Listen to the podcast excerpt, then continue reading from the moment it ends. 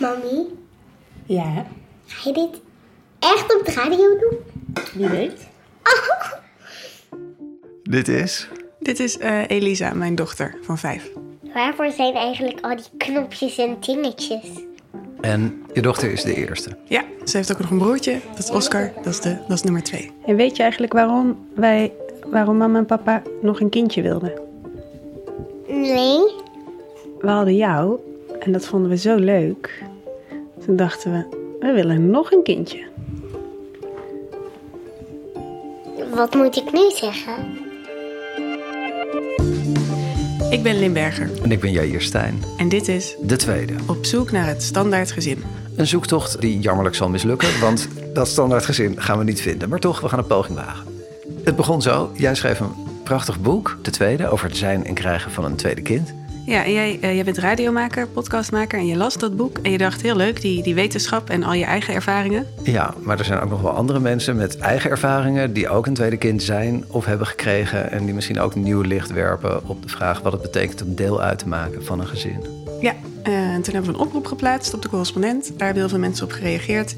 En wij zijn naar een aantal van hen toegegaan om hun verhalen op te nemen. Ja, in deze podcast eh, gaan we die verhalen horen. Maar intussen vertellen wij ook zelf over onze eigen ervaringen als ouder en als kind. En we hebben met vrienden, partners en eh, onze eigen kinderen gesproken. We hebben eigenlijk iedereen om ons heen net zo lang gemarteld tot ze wilden meedoen aan de podcast. En in deze eerste aflevering, hoe komen mensen er in godsnaam op om een tweede kind te nemen? In hoeverre is dat een vrije keuze? Ja, er zijn namelijk uitstekende redenen om niet aan een tweede kind te beginnen. Om maar eens iets te noemen, je eigen horrorervaringen met broers en zussen. En toch doen we het massaal. Waarom? Aflevering 1. De standaard.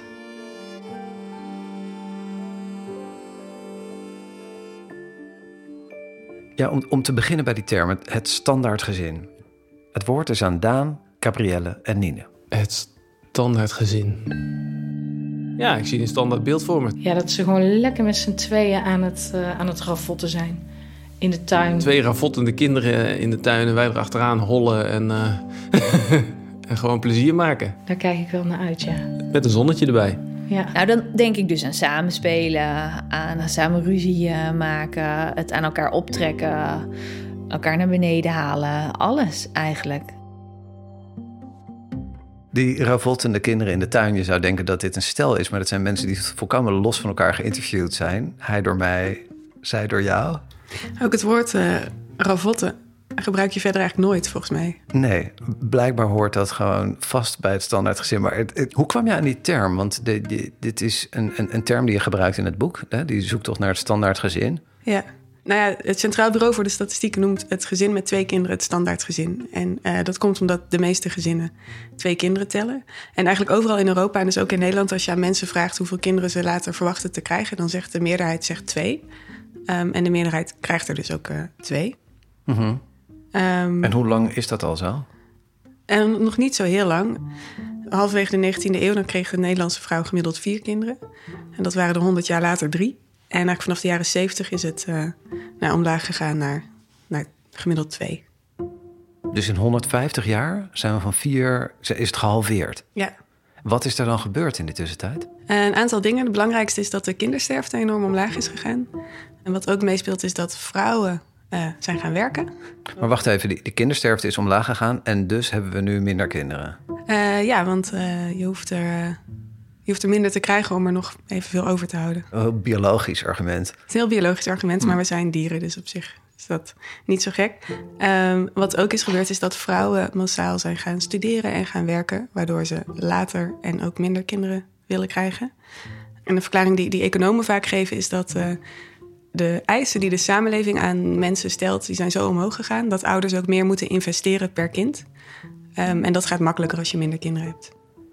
Zien demografen ook dat dat een trend is die, die verder gaat? Ik bedoel, gaat, het, gaat, het, gaat het van twee naar, naar één dan uiteindelijk? Nou ja, dat, is, dat vond ik interessant. Dat in de prognoses ehm, van, van waar gaat het dan heen... dat demografen ervan uitgaan dat het eigenlijk wel stopt bij die twee. Oké, maar dan blijft dus de vraag over waarom dan twee? Ja, dat vroeg ik me ook af.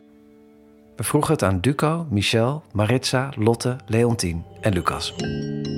Waarom twee is, is eh, op een manier heb ik het idee dat dat een, een mooi getal is. Het is ook een even getal. Dus het is, eh, als je er drie hebt, heb je het idee dat er altijd één iemand buiten de, buiten de boot valt.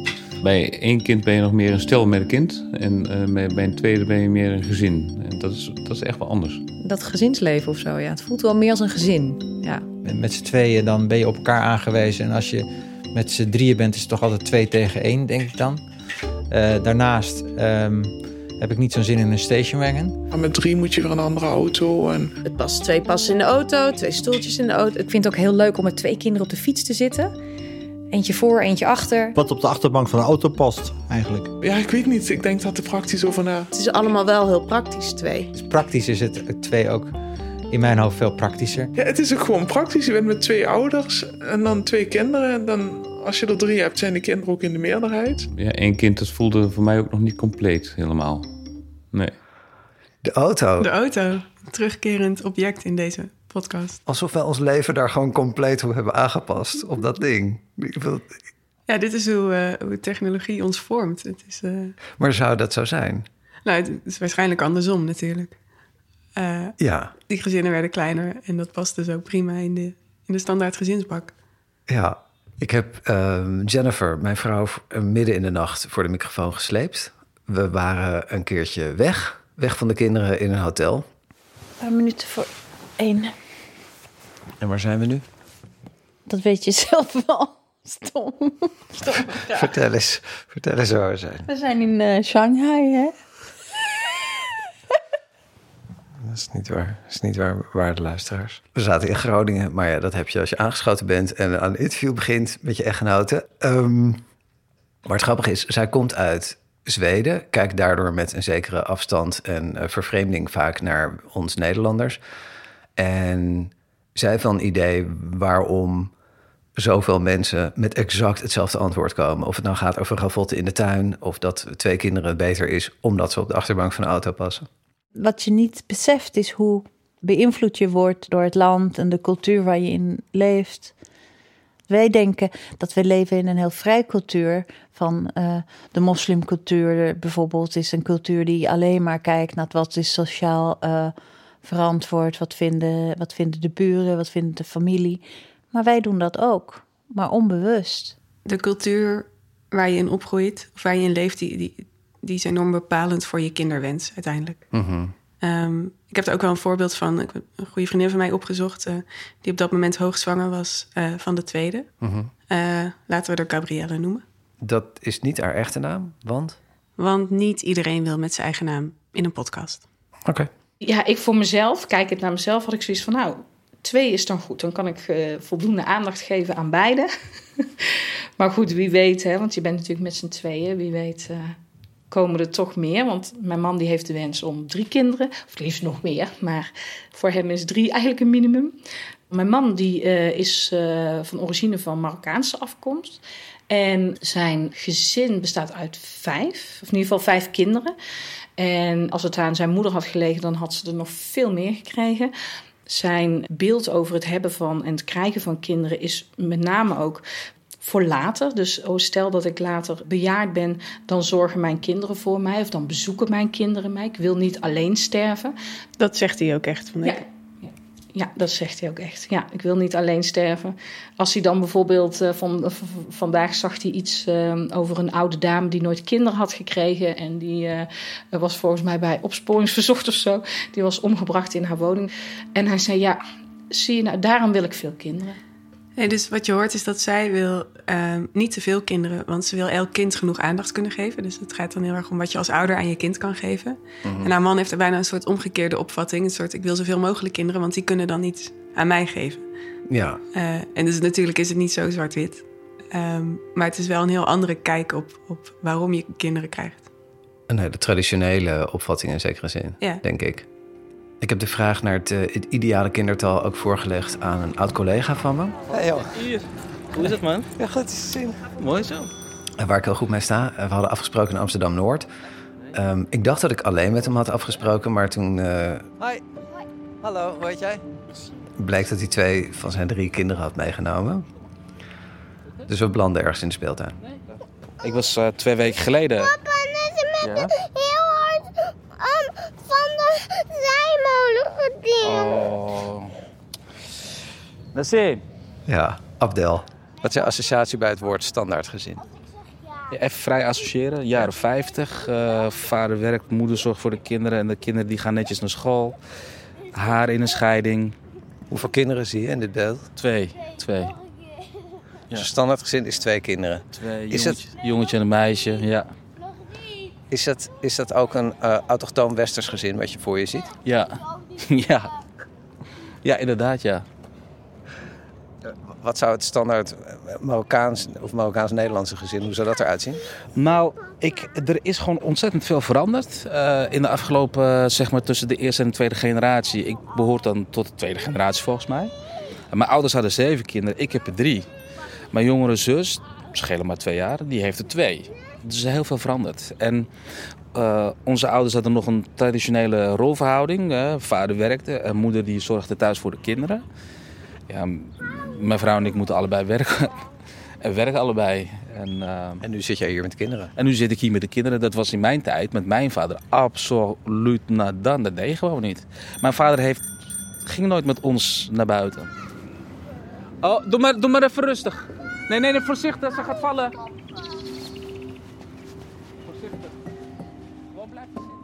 Nee, maar dat is dus inderdaad. Je denkt dan dat je een heel persoonlijke keuze maakt van nou, hoeveel kinderen willen we en wanneer dan enzovoort. Ehm, maar het wordt zo gestuurd door, nou, bijvoorbeeld de vraag of je allebei moet werken, omdat het leven zo duur is dat je niet echt meer wegkomt met een traditioneel kostwinnersmodel. Ja, je spiegelt je ook aan de mensen om je heen om te kijken wat normaal is. En eh, onbewust wordt dat voor jou gewoon een hele persoonlijke norm. Ja, dus ook de, de voorzieningen in een land, die maken ook ontzettend veel uit. Dus ik was tijdens het schrijven van het boek las ik een studie over IJsland.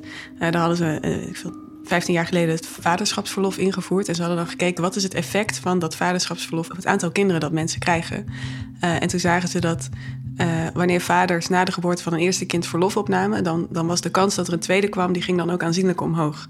En de verklaring was dan dat het, nou ja, dat, die vaders gingen dan meer helpen met de zorg voor die kinderen, waardoor die moeders dachten, oh, dat is best te combineren, kind en werk, we doen er nog één. Maar de grap is, ik las ook een studie in Spanje, daar hadden ze ook gekeken naar het effect van vaderschapsverlof.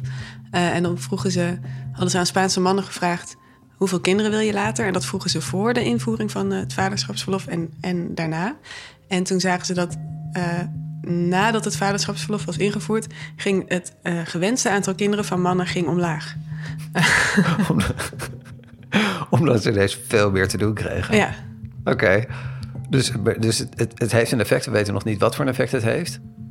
Ik heb wel een hoop mensen gesproken trouwens. ehm, want we hebben nu vooral de mensen gehoord die twee als een soort ideaal kindertal zagen.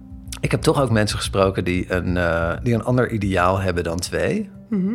En ik kreeg de indruk dat die vooral lijken terug te grijpen op hun eigen ervaringen. Dit is Floor, een vriendin. We spraken elkaar buiten.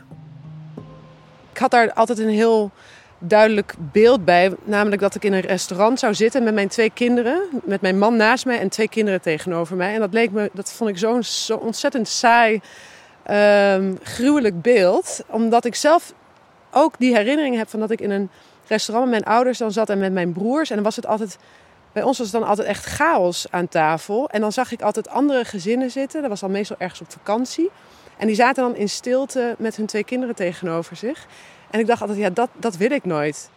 Je, je, je schetst een soort volkomen claustrofobisch beeld. Alsof ze met z'n vieren in een doos zitten. Ja, ja en dat ze, niks te, nee, dat, ze, dat ze niks te vertellen hebben. Dat er ook een soort stilte dan is aan tafel. Het is heel grappig. Ik heb eh, van iemand die, eh, die maar één kind heeft en die dat ook heel prima vindt, eh, Carissima, die, die had bijna hetzelfde schrikbeeld. Dat we ooit op Texel in een restaurant mensen zagen. Destijds hadden we nog geen kinderen. En die hadden twee kinderen en die zaten kruislinks aan een tafel. Dus de papa schuin tegenover de mama en de kindjes dus ook schuin tegen- tegenover elkaar. En voor ons was dat een beetje zo'n schrikbeeld. Zo van, nee, maar dat nooit, dat nooit. En ik snap dat je zo gaat zitten omdat het praktisch is. Maar voor ons was dat iets wat wij echt niet wilden. En, en kan je daar iets meer over vertellen? Over wat, wat zag je dan in dat beeld wat je, wat je afschrok? Dat je je, je je als stijl gaat splitsen om de kinderen op te voeden. Wij waren heel erg gewend om alles samen te doen, lekker symbiotisch. Ehm, we hebben dezelfde interesses, dezelfde hobby's. En dat wordt al anders als je één kind hebt. Eh, dan moet je toch op sommige momenten gaan splitten. En als je twee kinderen hebt, heb je dan natuurlijk helemaal. Nog steeds denk ik wel eens van die drie met, met nog eentje erbij, dan is het gewoon echt een team. Dan ben je echt met een, een soort kleine kudde. Komt Floor uit een groot gezin? Floor komt uit een gezin van drie kinderen. Ja. Daar heeft ze gewoon zelf hele goede herinneringen aan. Maar uiteindelijk heeft ze nu twee kinderen. En daar, daar moet ze het mee zien te doen. En nu zijn het er twee en ik, ik, ik weet eigenlijk nog steeds niet zeker of het, er, of het bij twee zal blijven. Ik denk het eigenlijk wel. Maar ik vind het wel echt moeilijk om dat te accepteren en om dat beeld bij te stellen in mijn hoofd. Van hoe mijn gezin eruit ziet. Dus haar beeld was: twee is te rustig. En je hebt er meer nodig voor chaos. Ze heeft nu volgens mij best wel chaos met twee. Ik bedoel, net als bij ons. En dan realiseert ze zich, maar daar gaat het eigenlijk niet om. Het is gewoon een beeld van wat ik had van wat een gezin zou moeten zijn. En dat is er nu niet. Dus dat beeld is sterker eigenlijk dan de werkelijkheid. Ja.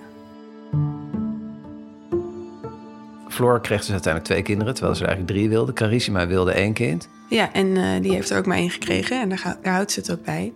En waar zij zich vooral aan ergert, dat zijn eigenlijk alle, alle redenen die mensen opgeven wanneer ze eh, voor een tweede gaan.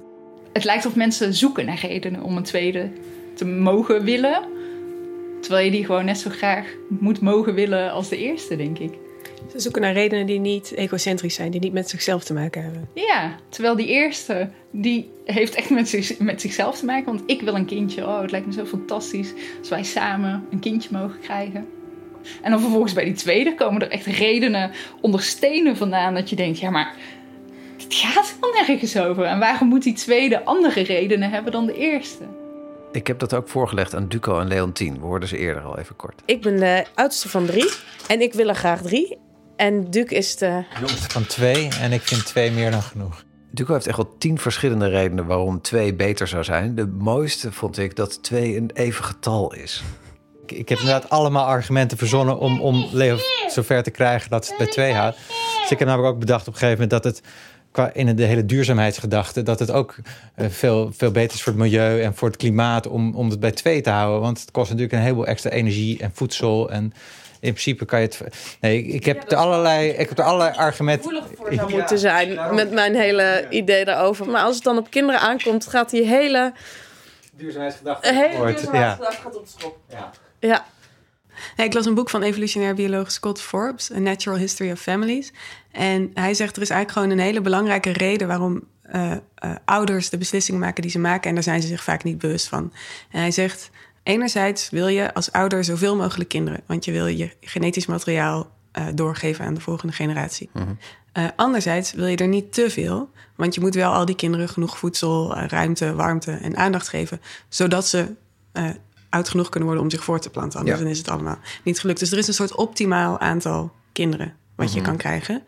Ehm, en het zijn eigenlijk de omstandigheden die bepalen wat dan het optimale aantal is. Dat kan dus in, in deze tijd, nu we wat verder in de evolutie zijn, zoiets simpels zijn als hoeveel weken, maanden of jaren vaderschapsverlof eh, voeren, voeren we in. Eh, hoe groot zijn de achterbanken van auto's? Ja. Eh, hoeveel opleiding moeten je kinderen genieten om een beetje een fatsoenlijk bestaan op te kunnen bouwen? Ja, en word je als vrouw toegelaten op de arbeidsmarkt?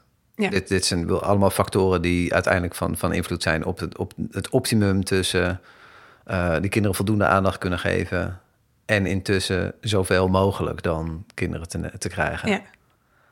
Wilde jij altijd al twee kinderen? Ehm, nou, er is een, er is een filmpje eh, uit eh, de tijd dat ik hoogzwanger was van, van onze eerste. Mhm. We zitten, het is de kerst, een paar dagen voor mijn uitgerekende datum. Ik zat met, met mijn vriend Maarten in de Van der Valk in Vught. En, en dan gaat de camera aan en dan zegt hij, wat, wat zei je net? Wat zei je nou?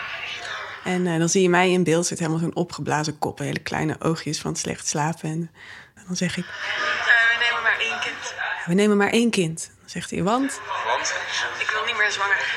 Nooit meer. En dan zegt hij, nooit meer. En dan zeg ik, nee, nooit meer. Wat denk je dat de reden was waarom hij dat ging opnemen op dat moment? Wilde hij dat het vastgelegd werd? Dat er maar één kind was en dat het daarbij zou blijven? Mhm. Nee, hij wilde het wel even vastleggen. Maar later heb je je dus bedacht. Ja, ehm, zoals dat dan wel vaker gaat, vergeet je dan hoe het is om zwanger te zijn. En vergeet je hoe, hoe heftig zo'n bevalling is.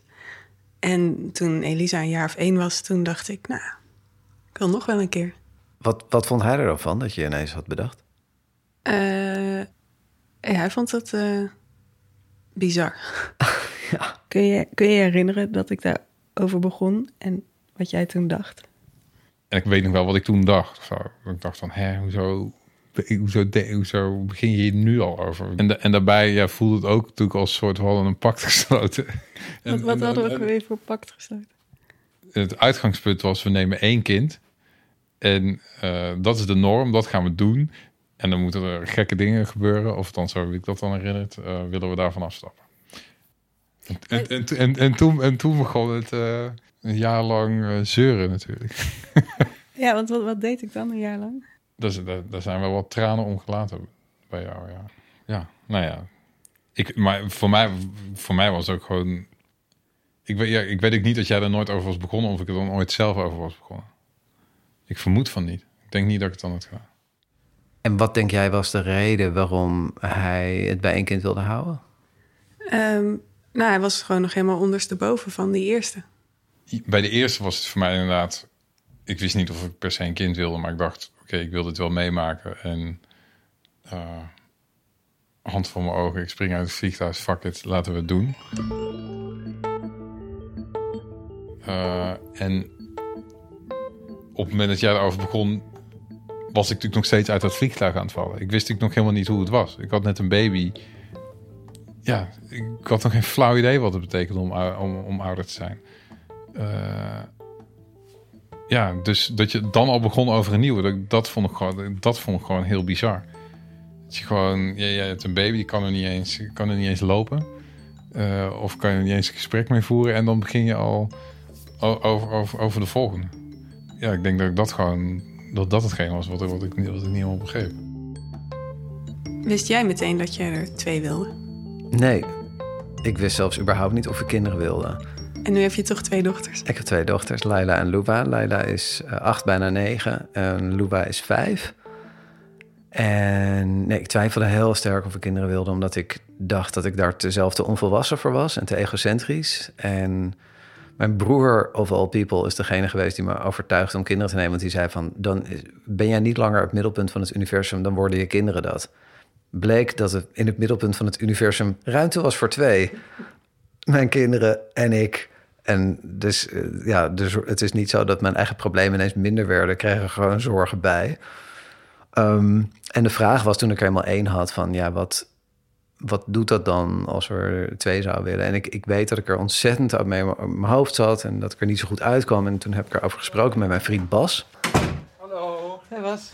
En die heb ik laatst opgezocht om te kijken van hoe, hoe ging dat gesprek? Want ik weet dat dat gesprek uiteindelijk de doorslag gaf bij mij. Kun jij nog herinneren, de dag dat ik eh, met jou heb besproken... of ik al dan niet aan een tweede kind moest beginnen? Als de dag van gisteren. Het, miste die dag. En Ja, donkere wolken pakten zich samen boven de stad. Van dat de zon zou doorbreken. Er hing wel iets in de lucht. Fijn dat je meewerkt. Zullen we, zullen we gewoon even terugspoelen en eh, semi-naturel... Nee, ik, het, het is wel een serieuze vraag. We- Weet jij het nog of niet? Ik, ik dacht dat het op de Nieuwmarkt op een terrasje zaten. Volgens mij waar jouw broer gewerkt heeft, bij de Fontein. Is dat niet de Fontein? Op de hoek Ja. daar, bij de Flessenman? Nou, zo herinner ik het mij ook. We zaten buiten, meen ik. Dat meen ik ook. En wat meen je je nog meer ervan te herinneren? Niets. Fijn. Van je vrienden moet je het hebben. Van je vrienden moet je het hebben, ja. Ik, ik heb me ook voorgenomen na deze podcast nooit meer mijn vrouw en vrienden te interviewen. Want ze hebben gewoon geen enkel respect voor de microfoon. Maar eh, uiteindelijk hebben we elkaar geholpen om het geheugen op te frissen. Ik weet, eh, ik weet alleen dat jij de vraag had. Zullen mijn vrouw en ik aan een tweede kind beginnen? Moet ik dat wel doen? Wil ik dat wel? Maar je hebt, geen idee, je hebt geen idee meer wat je gezegd hebt. Je hebt geen idee meer of je gezegd hebt, go for it of iets anders. Ja, mijn advies aan jou was om het niet te doen uiteindelijk. Want ik vond zeker toen ook dat, dat mijn leven daardoor enorm eh, ingewikkelder was geworden. Was dat eigenlijk een hele makkelijke eh, eerste zoon. En toen kreeg je een paar jaar later nog een zoontje. En daar had hij moorden mee. Dat was een jongetje wat gewoon heel erg heftig was. En tantrums had. Ehm, De eerste was een lokbaby. de eerste was een lokbaby. De tweede was een deterrent. Precies. En toen zei jij, oh, dan ga ik het doen. Dat, zo ging het ongeveer. Maar dat kwam ook omdat jij zo'n soort van... Ik weet niet, je had, je had zo'n horror scenario, stelde je voor. En dan was de, de volgende vraag Ik van... dacht, dat wil ik ook. nou, ja, dat, dat apart dat, je dat, eh, dat ik dat helemaal niet kon bedenken, dat dat zou zo gaan, ja. Dan had ik het misschien heel anders verteld. Ik heb het echt inderdaad vaker gehad met grote beslissingen in mijn leven. En dat als dan duidelijk is van je moet links afgaan, dat ik dan ineens voel: oh nee, rechtsaf, dat is de keuze. En is dat eh, zelfkastijding? Nee, dat is geen zelfkastijding. Het is gewoon dat ik ehm, pas in het licht van het, het, het allerergst denkbare scenario kan voelen van is dit iets wat ik aan kan of niet. En als ik weet ongeveer wat me te wachten staat, dan kan ik bedenken, nou, ik denk dat ik, dan kan ik het relativeren. Ja, ja, ja. Het was niet meteen dat ik dacht van, oh, daar teken ik voor. Maar dat ik dacht, oh, dat zal mij vast niet gebeuren. Maar als dit het ergste is, dan lukt het wel. Zo, zo begint het een beetje, volgens mij. Ja, en hoe, hoe eh, denk je daar nu over? Nou, bij mij is het dus totaal anders gelopen. Ehm, want de tweede was helemaal niet zo verschrikkelijk eh, tantrum en ingewikkeld eh, kind. Maar maakte dat wel van de eerste. Ja, dat hadden we niet kunnen voorspellen. Ja, en ik herinner me nu trouwens ook... Jij dacht ook aan je eigen jeugd en aan, je, en, en, aan de relatie met jouw broer. En dat was ook een, eh, een, een factor, weet ik. Daar, eh, daar zat je ook mee. Ja, want toen ik dacht aan mijn eigen broer, was het niet van. En dat was zo fantastisch leuke jeugd hebben we, hebben we samen gehad. Dat gun ik mijn oudste ook. Precies, heel veel strijd. Ja. Nee, dat is waar. Dat was absoluut een zorg. Ja. Dus je had het worst case scenario van je beste vriend. En Mhm. eigenlijk ook van je eigen jeugd. Mhm. En toen je die bij elkaar optelde, dacht je... Let's Dat do doen we. dat doen we. Ja, ik kan het, als ik er naar terug luister, denk ik ook van, dan begrijp ik gewoon hoe, hoe absurd het klinkt eigenlijk. Ja, gek is dat, hè? Ja. Jij bent de eerste. Hoe was de band met jouw zusje? Eh, ja. Hallo, hier ben ik, de zus van Lin. Dat is mijn zusje, Sanne. Eh, Ze is drie jaar jonger dan ik. En, eh, en we hebben het laatst gehad over, over hoe het was om op te groeien met elkaar. Hoe vond jij, hoe was het voor jou om de tweede te zijn? Ehm, ja. Daar moet ik even over denken. Wat is het? Ja, nou ja. En, en zo, zoals die, die aarzeling al doet vermoeden, was het niet, eh, Niet een geweldige ervaring. niet fantastisch, nee. Speelden wij veel samen vroeger? In mijn herinnering niet. Wat denk jij? Ja, ik, ik, ik kan het me ook niet herinneren, dus dan denk ik het ook niet. Nee. Waarom denk jij dat we zoveel ruzie maakten? Ik denk dat het voornamelijk door jou kwam. Kan ik dat zeggen? ja.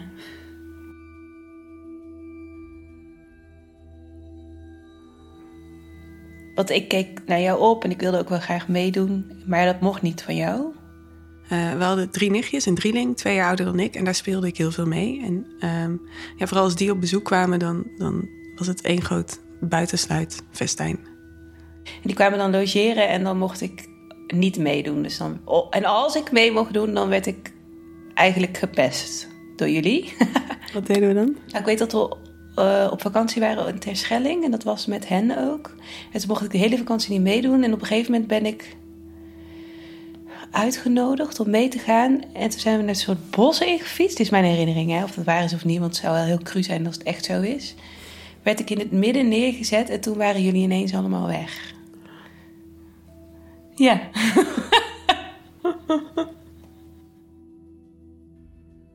Het zou wel heel cru zijn als het echt zo was. Ja, maar het was denk ik wel echt zo.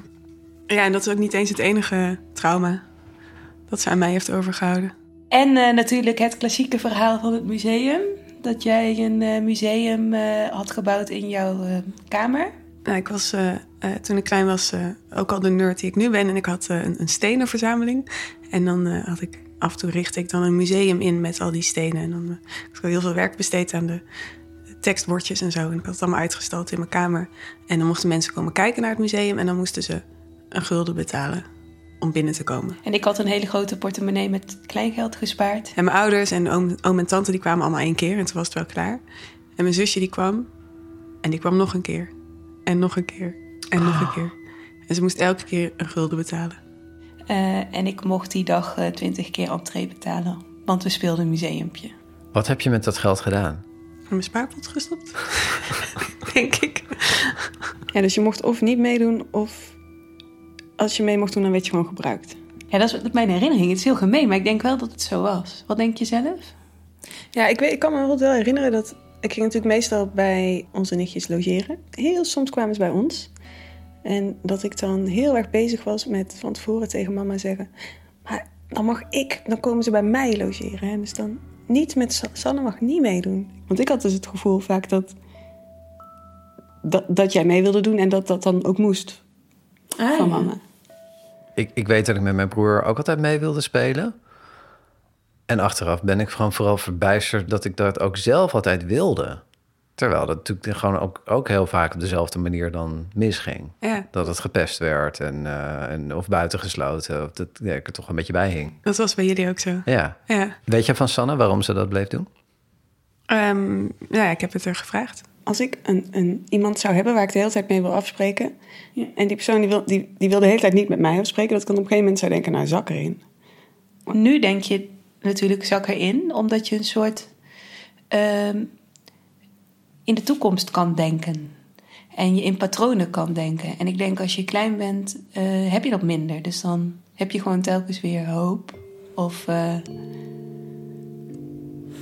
ja, daardoor ben je makkelijk te misleiden, denk ik. Ja. ik zie jou heel schuldig kijken. Die hoop. Maar zou Het is hetzelfde als mijn dochter Lena, die dan bij Elisa is. En Elisa is, is een jaar ouder, dus eh, eh, Elisa is echt de koningin in haar beleving. Dus zij heeft een dochter Lena van... Van vier. En die ziet af en toe jouw dochter Elisa. Ja. Ze, she adores her, zeg maar. Het, het is echt, of worships. Ze, ja. En ehm, dan zie ik soms gewoon dat Elisa haar afwijst. Maar Lena die is gewoon blind om dat te zien. Omdat ze Elisa gewoon geweldig vindt. Ja. En wat doet dat dan met jou om dat te zien? Nou, dat was dus op een verjaardag heel extreem. En toen deed me dat wel zeer. En ik denk ook omdat ik een soort dacht van... dit gaat niet nog een keer gebeuren. nee. ja, dus dat doet mij wel pijn, ja. De ervaring die je dan zelf hebt in je jeugd. Sommige mensen willen die opnieuw creëren. Dus die komen uit een gezin met drie en die willen ook drie kinderen. Of zijn juist enig kind en willen er ook maar één. Ehm, maar of je hebt een bepaalde dynamiek binnen het gezin waarvan je juist denkt... dat nooit meer. Nee, dat herken ik trouwens zelf ook wel een beetje. Van, ik, ik werd dus een periode, in ieder geval mijn jeugd, gepest door mijn oudere broer. En ik merk dat als mijn dochter Laila haar zusje pest, dat ik daar volkomen allergisch op kan reageren. Vooral als het een beetje in de buurt komt bij mijn eigen ervaring, dan is het gewoon van nee, maar dat mag niet nog een keer gebeuren. Ja, dat is wel een heftig ding, is dat ja. Dat je eh, je jeugd zo meeneemt in je ouderschap. Ja, maar ik las een studie waarin... ehm, als in Amerika hadden ze aan moeders van twee kinderen gevraagd... hoe ze terugkeken op hun eigen relatie met hun broer of zus. En sommige van die moeders hadden een hele goede band met hun broer of zus... en sommige niet. Eh, en wat ze zagen was dat de moeders die zelf een slechte, slechte herinnering hadden aan hun jeugd... eh, dat de kinderen daarvan veel beter met elkaar overweg konden... dan de kinderen van moeders die het heel fijn hadden gehad eh, met hun broer of zus. Wat kunnen, betekent dat dat de, de ouders die een fijne jeugd hadden, dan een soort van van uitgaan van het komt wel goed met die kinderen en er niet meer naar omkijken of zo? Ja, dat was de verklaring. Terwijl inderdaad eh, moeders van, eh, die niet een fijne ervaring hadden gehad, die deden heel erg hun best om eh, ja, een goede, goede band te stimuleren tussen hun eigen kinderen. En dat leek dus ook te werken. Het, het, het, het goede nieuws is dus dat je die, die keten blijkbaar kan doorbreken. Ja. Het slechte nieuws is dat een, een, een, een, goede keten niet automatisch voortgezet wordt. Precies. En eigenlijk wordt die keten gewoon hoe dan ook doorbroken door de volgende generatie. Ja, dat is ook weer tragisch. Maar wat je dus steeds ziet is dat ondanks die slechte jeugdherinneringen... wil jij had ook niet een fantastische relatie met je zusje toen ze klein was... en ik niet met mijn broer een tijd lang. Ondanks dit alles doen we het dus nog een keer. Nou ja, misschien omdat je niet alleen maar slechte herinneringen hebt. En misschien ook omdat je hoopt dat het in jouw geval anders gaat uitpakken. Ja, ja zeker. Ja. Nou, vooral dat laatste heb ik ook wel gemerkt bij een gezin waar ik laatst langs was. Ehm, zij hadden gereageerd op de oproep, wilden meedoen aan de podcast. Tegelijkertijd aarzelde ze heel erg of ze alle persoonlijke dingen wel kon vertellen voor de microfoon. En dus hebben we met de moeder afgesproken dat we haar stem een beetje zouden aanpassen, zodat ze niet herkenbaar zou zijn. We noemen haar Lotte. Ik was bij haar thuis, samen met haar man en haar dochtertje. Ik vind het heel moeilijk. Vertel, ver- eh, kun je uitleggen wat, wat, wat het moeilijk maakt? Het is gewoon pijnlijk om over iemand anders... Ja, iets negatiefs te zeggen natuurlijk. En, eh, Waar die ook niet bij is. waar hij ook niet bij is en waar hij ook niks van weet natuurlijk. En hij heeft het nog steeds moeilijk. Dus het is ook moeilijk om daar eh, heel open over te zijn, denk ik. Snap ik. Ja. Ze zei dat ze een super fijne jeugd heeft gehad, eigenlijk. En heeft ook wel mooie herinneringen. De leukste momenten met mijn broer heb ik toch op vakantie gehad. Toen we gingen heel vaak pingpongen. Om zo'n tafel en rond die tafel rennen. En daar hebben we wel heel veel lol gehad. En het was vooral op, vooral op vakantie eigenlijk. Maar dat waren eigenlijk uitzonderingen. Haar broer was een moeilijke jongen. Nou ja, hij bleef zitten, hij haalde slechte cijfers, hij maakte ruzie. Eh, mijn ouders moesten voortdurend op gesprek komen omdat hij iets had gedaan. Ruzie ook met jou of niet? Met mij? Ja, voortdurend. We hadden voortdurend ruzie. Ja. Zijn oudere broer. Oudere broer. Nou, ik weet nog één keer dat we inderdaad in een tent lagen. Dan waren we op vakantie. En we lagen dan met z'n tweetjes in zo'n iglo-tentje, allebei op een luchtbed. En ik sliep, dus ik kan echt niks verkeerds gedaan hebben in mijn beleving. En hij sloeg gewoon in één keer zomaar op mijn buik. Terwijl ik sliep, dus ik was echt ontspannen. En deed echt heel erg pijn. En hij wilde gewoon even kijken hoe dat was, hoe ik reageerde, wat er dan zou gebeuren. Maar het gebeurde vaker, dit soort dingen. Ook een keer aan tafel. Hij had zo'n lepel met eh vanillevla. En hij hield die zo met zijn duim gespannen richting mij. En ik zei nog, dat doe je niet. ik kreeg gewoon een hele lepel in mijn gezicht. Nou ja, dat soort stomme kleine pesterijtjes. En hoe ging dat dan toen ze ouder werden?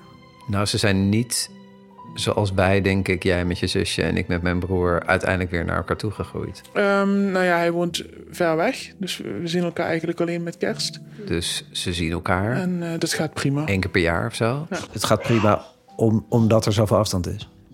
Nou, toen ik in de buurt woonde, zag ik hem ook nooit. Ze mist het wel. Ja, dat mis ik wel, ja. Ik bedoel, ze mist wel het idee van een familie en iemand met wie je dan, weet je wel, je verleden deelt en waar je het over je ouders kan hebben. Om nog eens te vertellen over vroeger of over vakanties die je hebt gehad. De kinderen in de straat met wie je speelde. En, en dingen die je vroeger deed. Bedoel, dat heeft ze gewoon niet.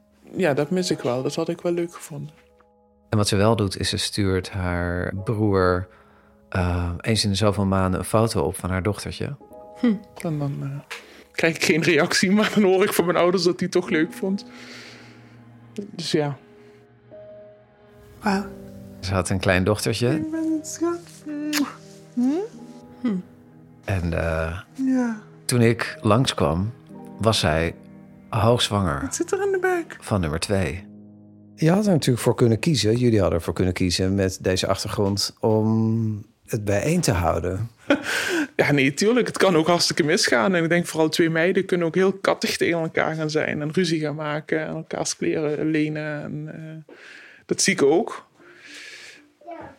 Maar ja, ik hoop toch dat het...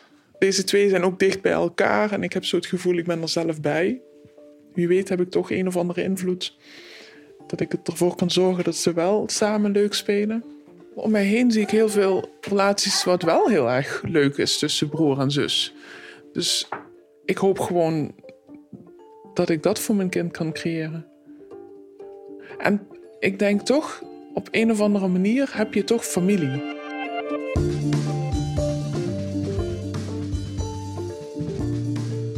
Je luisterde naar De Tweede, een podcast van de correspondent. Redactie Lisa Roggeveen, mix Jacco Prantel, eindredactie Andreas Jonkers. We hebben het nu gehad over de beslissing om een tweede kind te nemen. En volgende week gaan we één stap verder. Als die stap eenmaal genomen is en je zit te wachten op de komst van nummer twee. Hoe bereid je je daarop voor? Wat gaat er verloren als er een kind bij komt? En maken kinderen ons gelukkiger? Eh, jullie reacties en eigen ervaringen horen we heel graag. Ga naar de correspondent en deel ze daar met ons. Een review op iTunes vinden we ook heel fijn. Dan kunnen meer mensen de podcast vinden. Bedankt voor het luisteren en tot volgende week.